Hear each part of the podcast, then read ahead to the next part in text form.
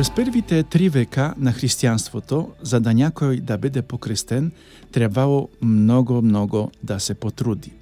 Първо, трябваше да намери един християнин, който ще бъде неговия гарант, т.е.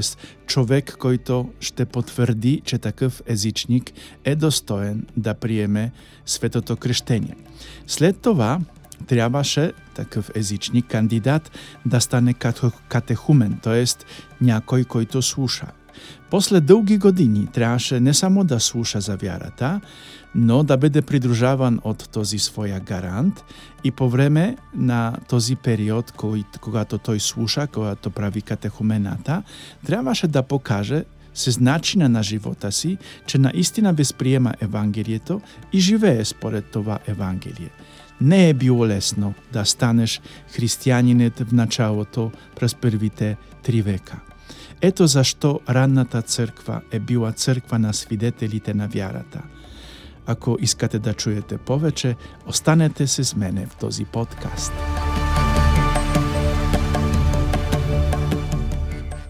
Казвам се отец Кшиштоф, аз съм францисканец капуцин, живея в Инсбрук и от две години насам записвам подкасти под название Я мхм на полски език, на български и на немски, в които подкасти коментирам неделните четива или разказвам за живота на мисиите в Индонезия и в Мадагаскар. Моите подкасти ще намерите на сервера podbin.com, а във всяка събота от 12 часа ще намерите новия подкаст.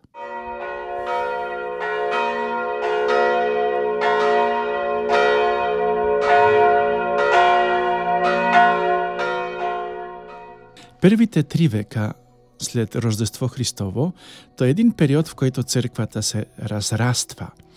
Е, едикта, Медиоланския е, едикт 313 година на Константин Велики, този едикт разрушава, е, че християнството е свободна религия в цялата империя. От този момент става нещо противоположно на това, което е ставало до сега от този медиоланския едикт в църквата навлизат целите нации заедно с техните крале и автоматично, чрез общественото кръщение, всички стават християни. По такъв начин умира или не се прави повече катехуменет.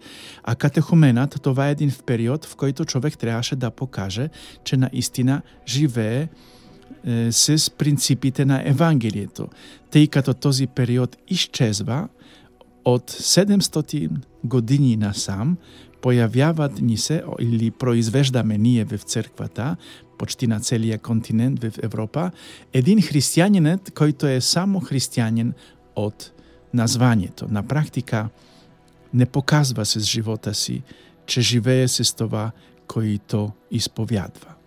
Освен това, ние решихме, че е, ще даваме крещението и на малките деца. В ранното християнство, първите три века, за да станеш християнин, за да станеш катехумен, трябва да бъдеш вече зрял човек, пораснал човек. Тогава децата не са приемали крещението. Е, този е, зрял човек трябваше да бъде готов също и да положи живота си за Евангелието, за тази вяра за Христос, който искал да приеме. Затова не можеше да се приеме в това нещо децата. Ние решихме, че Вярата, това е най-голямото съкровище, което човек има и може да притежава. Затова искаме от самото начало на живота на малкия човек това съкровище да му бъде дадено и да пламне в него. Това е много хубава идея и аз съм винаги за това да го правим. Обаче, родителите и кръстниците, които трябва да поддържат този пламък, които трябва да продадат вярата, те няма какво да продадат, защото на практика те сами не знаят какво значи да се вярва, какво да предадат. И така от 700 години произвеждаме християнин, който изобщо не е християнин, само по названието.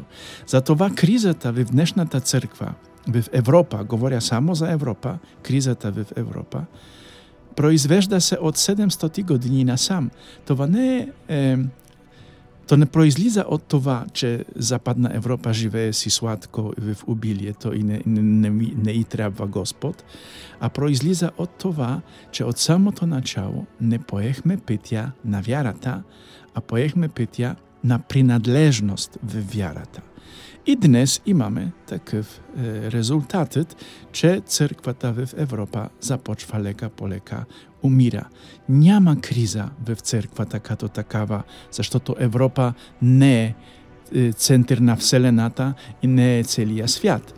В останалата част на света, като в Индонезия, като в е, Мадагаскар, като е, в Корея, Южна, като в Вьетнам, там църква се развива чудесно.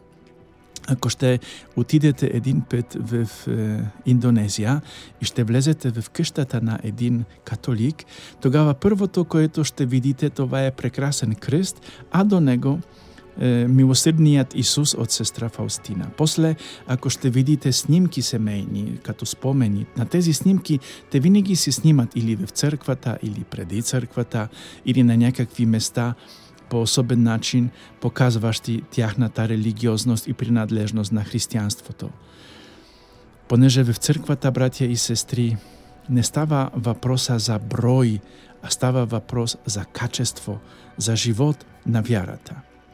Ние говорим на сградата, църквата, тази сграда поема названието от живата църква, от общност, която в тази сграда се събира. И в момента, в който общност събира се в тази сграда, тази сграда поема названието църквата. Европа е сама виновна за криза на вярата, защото се отрече в своята култура, в своята история от принципи на християнството. Това, това го записахме в е, Конституция на Европейския съюз. А папа Бенедикт XVI, когато посещава Бундестага, казал една нация, която отрича Бога, няма за себе бъдещето. Така и става за Европа. Европа, която отрича Бог, няма бъдещето, за това умира и не се чудете е, на това, което става. Скъпи братко и сестро, аз не казвам ти тези неща, коментирайки е, тези четива, които ще слушаме в неделя, за да ви наставлявам или да ви критикувам. Не, аз казвам го, за да знаете къде сме и за да направим най-после нещо с това нещо. Да не се срамуваме да познаваме нашата вяра, да слушаме, да се обучаваме, да практикуваме, да изпитваме какво значи да бъдеш последовател на Христос. Исус в днешното Евангелие, в тази неделя ще говори, който иска да ме последва, трябва да се е, е, трябва да вземе креста, е, трябва да откаже от себе си и да върви след мене. Това днешния свят, ако го чува, той не го възприеме, защото кръст, това е страдание, това е преследване, това са болести, това е нещо, което това общество не е в състояние да възприеме. А Исус казва, че пътя на вярата води през Голгота, т.е. място, където е кръст. И християнинът, който не мина по пътя на възпитанието, е, от опита на вярата, той никога няма да го разбере. Затова, ако и вие, някой от вас принадлежи на християните от названието, то по-добре тази неделя да закрие ушите си и да не слуша Евангелието, защото Евангелието ще те скандализира, братко и сестро. Аз ти пожелавам да станеш истински християнинет, да си готов да положиш живота си, да си готов да поемеш креста, да отречеш се от себе си, от всички стойности, които искаш да реализираш, които базират на светските принципи и да последваш Христос, да станеш живото Евангелие. Това ти пожелавам. Кураж, братя и сестри. Амин.